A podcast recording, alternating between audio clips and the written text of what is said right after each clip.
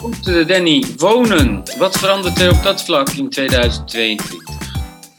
Nou, we hadden natuurlijk gehoopt hè, dat, er, uh, dat er veel meer zou veranderen. Hè, want die eigen woningregeling die is ontzettend uh, complex uh, geworden door al die noodverbandjes die de afgelopen twintig jaar geplakt zijn op die regeling.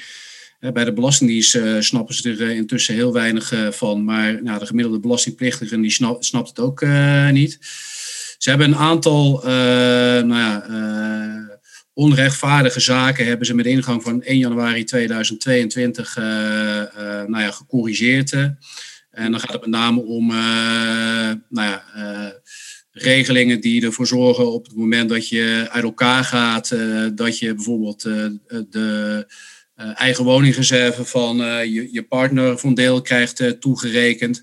Of dat je het aflossaldo van, je, van je partner krijgt toegerekend.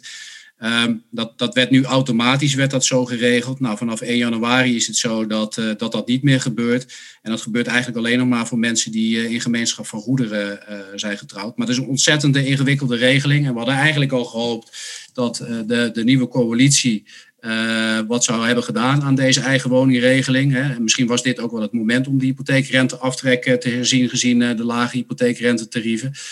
Alleen dat is nog steeds niet het geval. Um, ja, en dit is een soort van uh, tegemoetkoming om uh, onrechtvaardige uh, zaken een beetje recht te trekken. Alleen, ja, dat is weer opnieuw een pleistertje op die regeling, waardoor die regeling eigenlijk alleen maar complexer wordt voor, voor mensen. dus het zou mooi zijn dat ze nu in de toekomst toe deze regeling wellicht helemaal gaan afschaffen en met een regeling gaan komen die, die een stuk overzichtelijker is, waardoor ook iedereen weer snapt waar, het, waar het daadwerkelijk om gaat.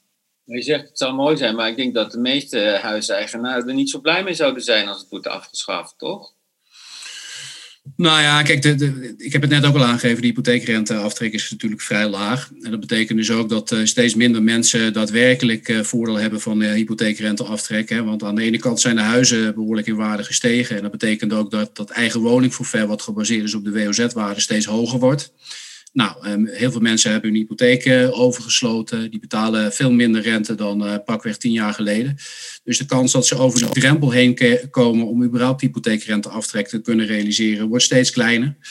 Uh, dus ja, als je het een keer had willen afschaffen, dan was, was nu het moment geweest. Dus als je daar nu weer mee gaat wachten en je wacht tot de rente weer wat hoger is, ja, dan ga je met name die starters die heel veel hebben moeten betalen voor een woning en dus best hoge lasten hebben, die, die, ga je daarmee weer uh, beschadigen, waardoor het weer niet uh, aangepakt kan gaan worden. Dus ik denk dat dit een golden opportunity was om die regeling aan te passen, ook omdat niemand er meer wat van snapt.